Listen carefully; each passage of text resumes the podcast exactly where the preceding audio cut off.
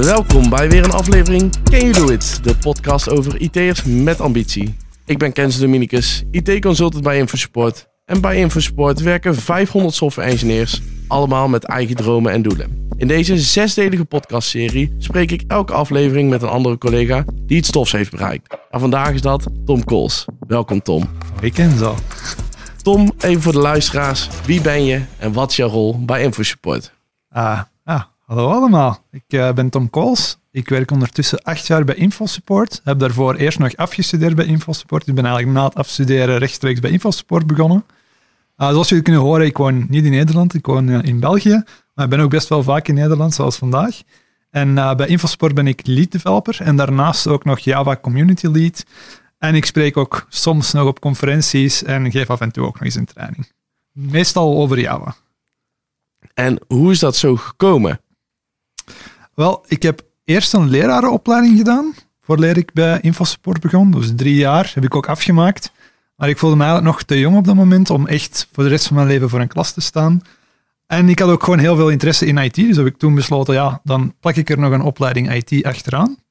En eigenlijk is bij InfoSupport komen werken de ideale combinatie geweest. Uh, er is eigenlijk maar weinig waar ik echt blijer van word dan mensen een stapje verder helpen in hun carrière of hun eigenlijk het moment hebben dat je in hun gezicht kan zien of in hun ogen kan zien van het klikt nu. Ik heb ze iets nieuws kunnen aanleren. En dat voelde ook gewoon heel goed om mensen zoals jij kent zo, hè, uh, verder te helpen in hun carrière. Dat, dat warmt echt mijn hart op. En het is een beetje like Stephen Covey ook zegt, ja, 1 plus 1 is eigenlijk 10. Als je mensen kan helpen om zelf beter te worden, dan heb je ook veel meer effect. Gaaf. En je zegt eigenlijk dat in al deze verschillende dingen die je doet, eh, heeft het te maken met Java. Wat vind je dan zo leuk aan Java? Dat is eigenlijk een beetje de grap. Ik had eigenlijk zelf misschien niet gekozen voor Java, maar toen ik in dienst kwam, vroeg mijn manager, ja, welke wil je doen? Want bij InfoSport hebben we typisch gezien, oftewel een .NET stack georiënteerde kant van het bedrijf en een Java georiënteerde kant van het bedrijf. En op dat moment zochten ze eigenlijk Java developers, dus heb ik toen gekozen voor, uh, voor gewoon ja, Java te volgen. Ik heb er nu altijd geen spijt van, ik ben er echt wel verliefd op geworden op de Java stack. Ja, heel het ecosysteem is zo leuk. Ik ken ondertussen ook al redelijk wat mensen. En ja, te zeggen wel dat je van programmeertaal makkelijk kan wisselen, maar ik zie het mezelf toch niet snel meer doen. En waarom dan niet? Ja, kijk, ik heb binnen de Java-community best al wel een heel netwerk opgebouwd. Ik ken ook heel veel ja, lokale sprekers in Nederland en België, maar ook overal ter wereld een beetje. En ik ga dat niet zomaar opgeven. Ik voel me te goed in de Java-stack en al die mensen die ik daar heb leren kennen. Het is een heel toffe community om dan te zeggen, ja, ik kan een andere programmeertaal doen, just because I can. Misschien ooit, maar op dit moment volg ik mij heel erg thuis in de Java-community. En je gaf ook aan dat je trainer bent. Hoe ben jij dan als trainer? Hoe ben ik als trainer? Wel, in alles wat ik doe ben ik heel erg mezelf, maar... Um... Dat is fijn, Tom. Dat vinden leuk aan je. Niet iedereen vindt dat altijd fijn, maar... Uh, nee, ik probeer gewoon zoveel mogelijk mezelf te zijn, maar wat ik heel hard op focus is uh, mensen individueel vooruit helpen. Ik probeer altijd te kijken, ja, waar is een bepaald persoon al in zijn carrière? Welke kennis en kunde heeft hij al? En dan probeer je die altijd een klein stapje verder te zetten. Niet, niet te veel nieuwe kennis, dat hij heel veel moeite moet doen om bij te blijven of om te kunnen volgen, maar net zo een stapje verder, zo die kleine uitdaging die wel haalbaar is. En ik, zo ben ik eigenlijk in mijn team, zo, als ik geen training geef, ik ben lead developer, dan probeer ik mijn team ook zo te benaderen. Ik probeer ze altijd uitdagingen te geven die altijd zo net dat stapje buiten hun comfortzone zijn, maar waar dat ze eigenlijk wel nog een redelijk grote kans op succes hebben. Dus eigenlijk constant uitdagen. En is dat dan ook iets wat je meeneemt vanuit jouw leraaropleiding? Ja, eigenlijk wel, want daar was wel heel hard de focus op net dat stapje verder zetten. Sommige mensen vragen mij wel eens van Tom, ja, je hebt nu drie jaar leraaropleiding gedaan, dan drie jaar IT, was dat dan geen tijdsverspilling? Maar eigenlijk heb ik daar heel veel uit geleerd.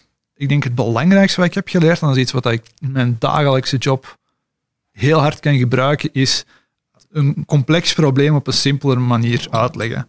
Als je bijvoorbeeld een heel moeilijk technisch probleem hebt, en je moet dat dan een business owner gaan uitleggen, of iemand die niet technisch vaardig is, wat het probleem nu net is, dan helpt dat wel als je een beetje ja, die capaciteit hebt om dat op een heel simpele manier uit te leggen. Check. En in je training geven, in, als lead developer, ben je ook veel met presenteren van dingen en dergelijke bezig. Uh, maar je doet dat ook op conferenties, ja, toch? klopt, klopt. Word je daar ook veel gevraagd? Ja, zo, zo werken conferenties meestal niet. Je wordt niet echt gevraagd, behalve als je echt al een heel grote naam bent en dat ben ik niet.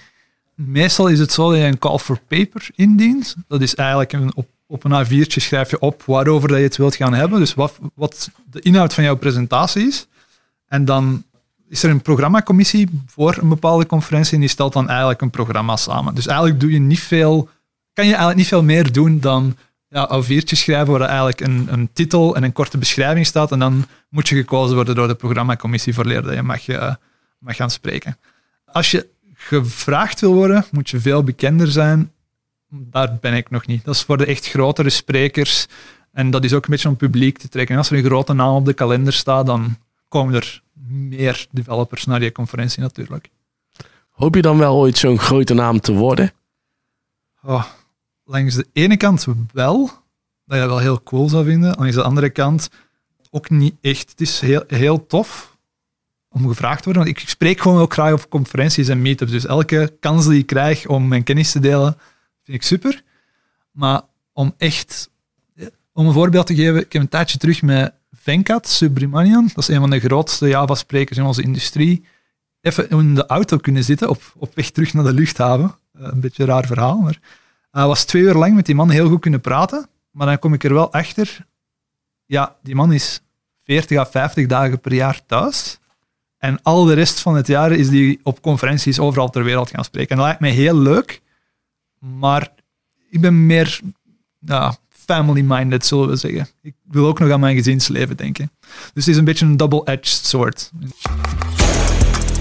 Even wat afwisseling, want het is tijd voor ons vaste programma-onderdeel Dilemma's. Het werkt zo. Onze infosporter krijgt meerdere dilemma's voorgeschoteld waarbij hij moet kiezen. Dus Tom, je gewone werk of je ambitie? je moet kiezen, hè, want mijn gewone werk is al redelijk in lijn met mijn ambitie. Ik ga dan toch voor mijn ambitie gaan. Veel geld verdienen of je dromen waarmaken? Ik zou veel geld willen verdienen om mijn dromen waar te maken. Dus cut, cut out the middle person en richt naar dromen waarmaken dan. Alleen op een project of met collega's? Collega's, no doubt. Die was snel, hè? Die was echt vlug. Thuiswerken of op kantoor? Kantoor, sowieso. Kijk, die was ook vlug. Elektrisch of op benzine rijden? Goh, ga toch voor elektrisch, denk ik. Vrijdagmiddagborrel of bedrijfsuitje? Bedrijfsuitje.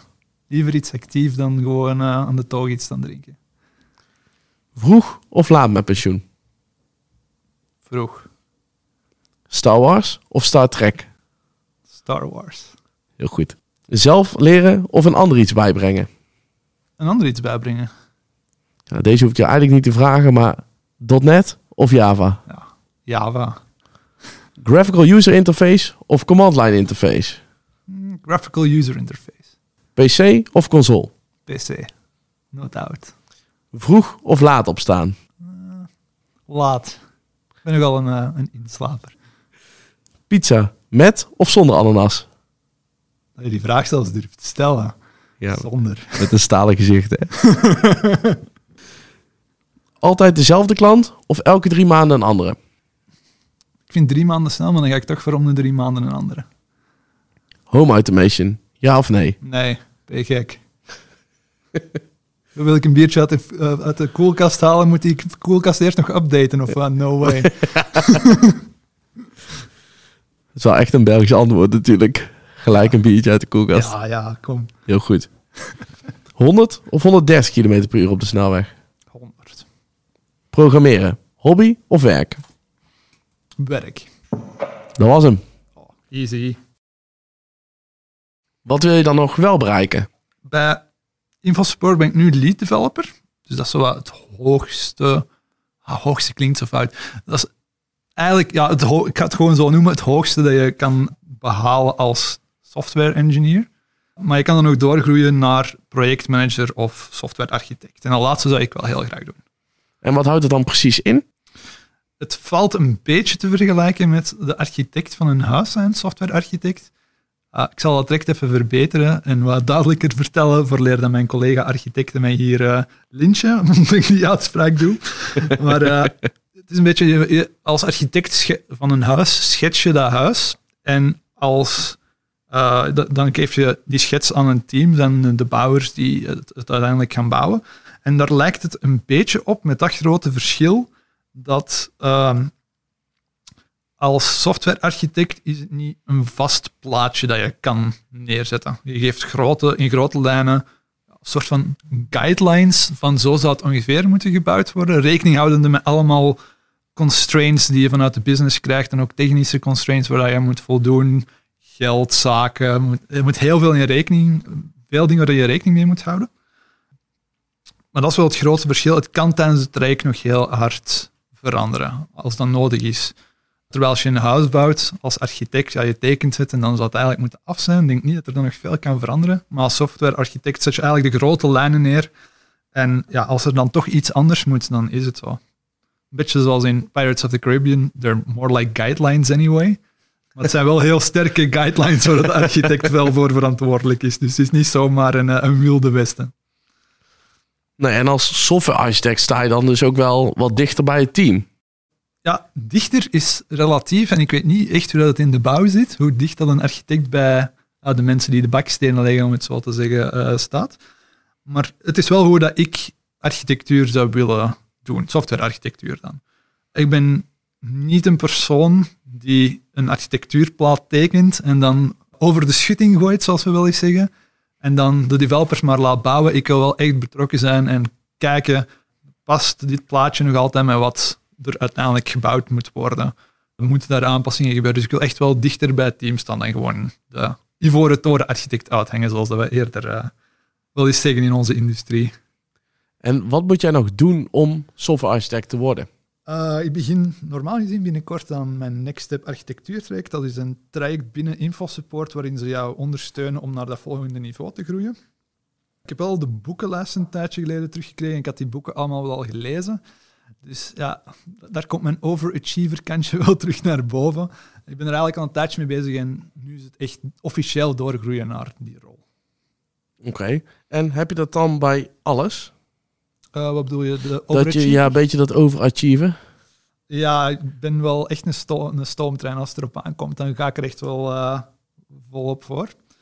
Dat is niet altijd goed paar jaar geleden was ik echt ja, 110%, 120% aan het, uh, aan het doorwerken, zowel binnen en buiten de werkuren.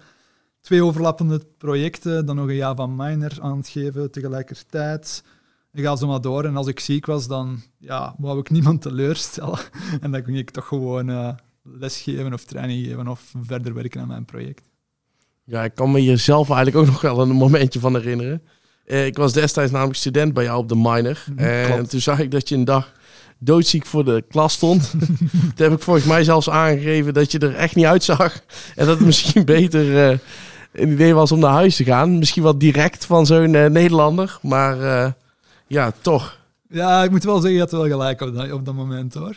Ik denk dat ik toen nog naar het toilet ben gegaan. En uiteindelijk echt doodmisselijk toch heb moeten toegeven dat die dag niet meer ging. Maar ja, het typeerde mij wel een beetje. Ik was uh, zes jaar in dienst toen en mijn collega's riepen eigenlijk al de vijf jaar daarvoor van hey Tom, doe eens rustig. Maar ja, dat zat niet in mij. Ik bleef gewoon doorgaan. Maar ja, als je dat hoort, is het ook niet gek dat je op een bepaald moment in een burn-out terechtkomt natuurlijk. Heeft Infosport je toen goed gesteund in die periode? Ja, eigenlijk verrassend, uh, overweldigend goed gesteund. Ik word er zelf nog een beetje emotioneel van als ik eraan denk. Maar ik, ik kwam toen... Eigenlijk is mijn burn-out begonnen. Ik had net drie weken vakantie genomen. Ik, kom, ik zat daarvoor al in een heel slechte periode. Ik kom op het werk aan, ik open mijn mailbox en just... Het, het knapte gewoon in mij. Het, het ging echt niet meer. Ik ben gewoon ja, gebroken op dat moment, in zekere zin. Als een potlood ja. gewoon in twee. En uh, ja, ik ben toen huilend als een klein kind naar mijn manager geweest en gewoon gezegd van ja, sorry, het gaat echt niet meer. En uh, mijn manager heeft toen twee dingen gezegd. Eén, niet zo bot als ik het nu ga zeggen waarschijnlijk, maar wel, uh, told you so. niet letterlijk, I told you so, maar wel van ja, dit hadden we eigenlijk wel de afgelopen jaren zien aankomen. Hij had het mij ook elk jaar al gezegd van Tom, doe eens rustig. Of, uh, ja. ja. En het tweede wat hij zei was, en dat is eigenlijk echt wel het mooie, ga naar huis, neem je tijd, word beter. Je enige job nu is beter worden. Hij heeft mij naar huis gestuurd.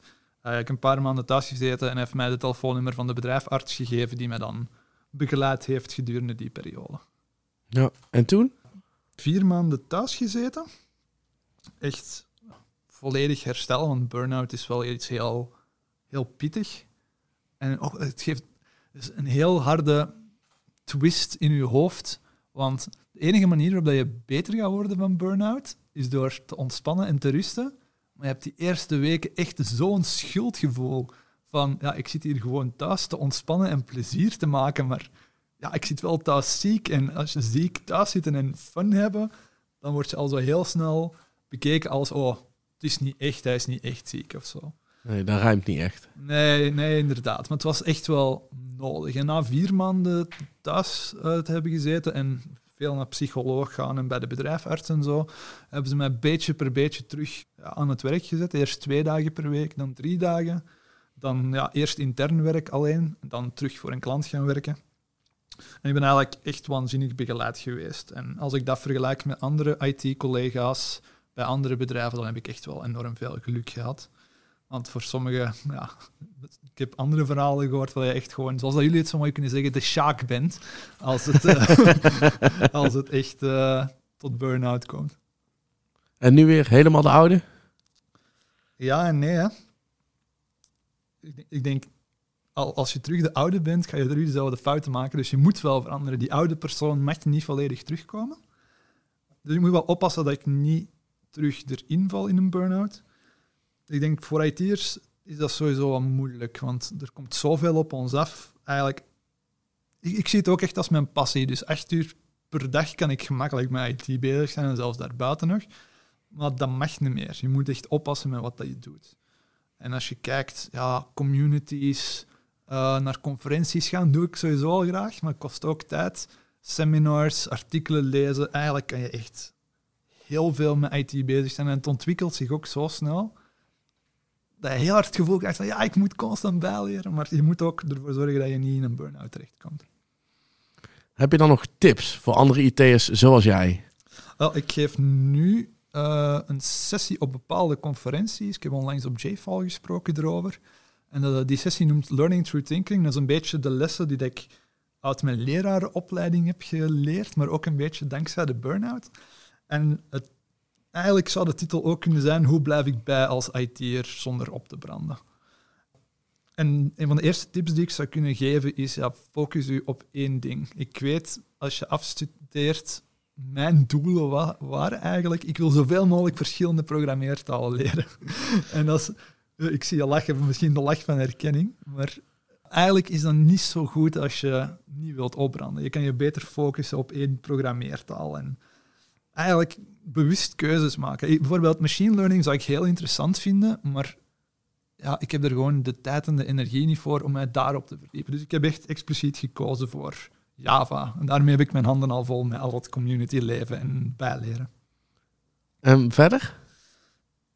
Dit is wel eentje die heel hard uit de burn-out eh, fase komt natuurlijk. Als je ambities hebt en je wilt snel vooruit gaan, neem dan ook genoeg tijd om rust te nemen. Ik denk een van de dingen die ik wou, ik wou, ik wou heel snel doorgroeien, dus ik had ook heel veel ambitie.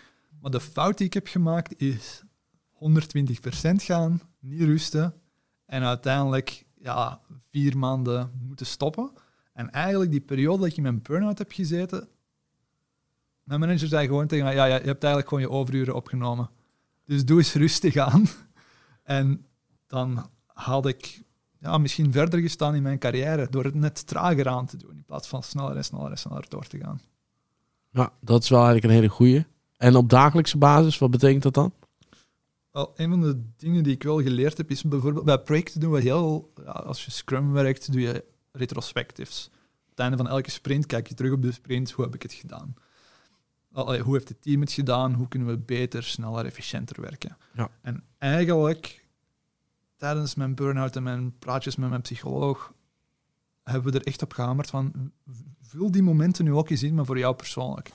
Niks te maken met het werk, gewoon persoonlijk. Hoe gaat het met Tom? Een soort van reflectiemomenten. Dagelijks, wekelijks, maandelijks. Gewoon even een half uurtje, tien minuutjes, vijf minuutjes de tijd nemen om te kijken hoe gaat het met jou? Wat wil ik nog doen? Waar kan ik gewoon verbeteren? Dus persoonlijke reflectiemomentjes. Goeie tips. Ja, kijk, je mag ook gewoon niet te veel van jezelf verwachten. Hè?